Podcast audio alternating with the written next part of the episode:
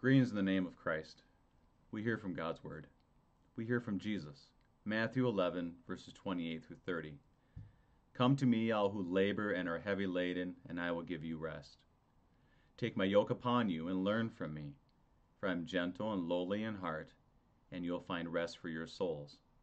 For my yoke is easy, and my burden is light. My name is Pastor Brady Finnern. I'm the pastor at Messiah Lutheran Church in Sartell, Minnesota. It's a joy to be with you again. This year marks five years since we were able to be with all of you for Luther Study Days in Bergen.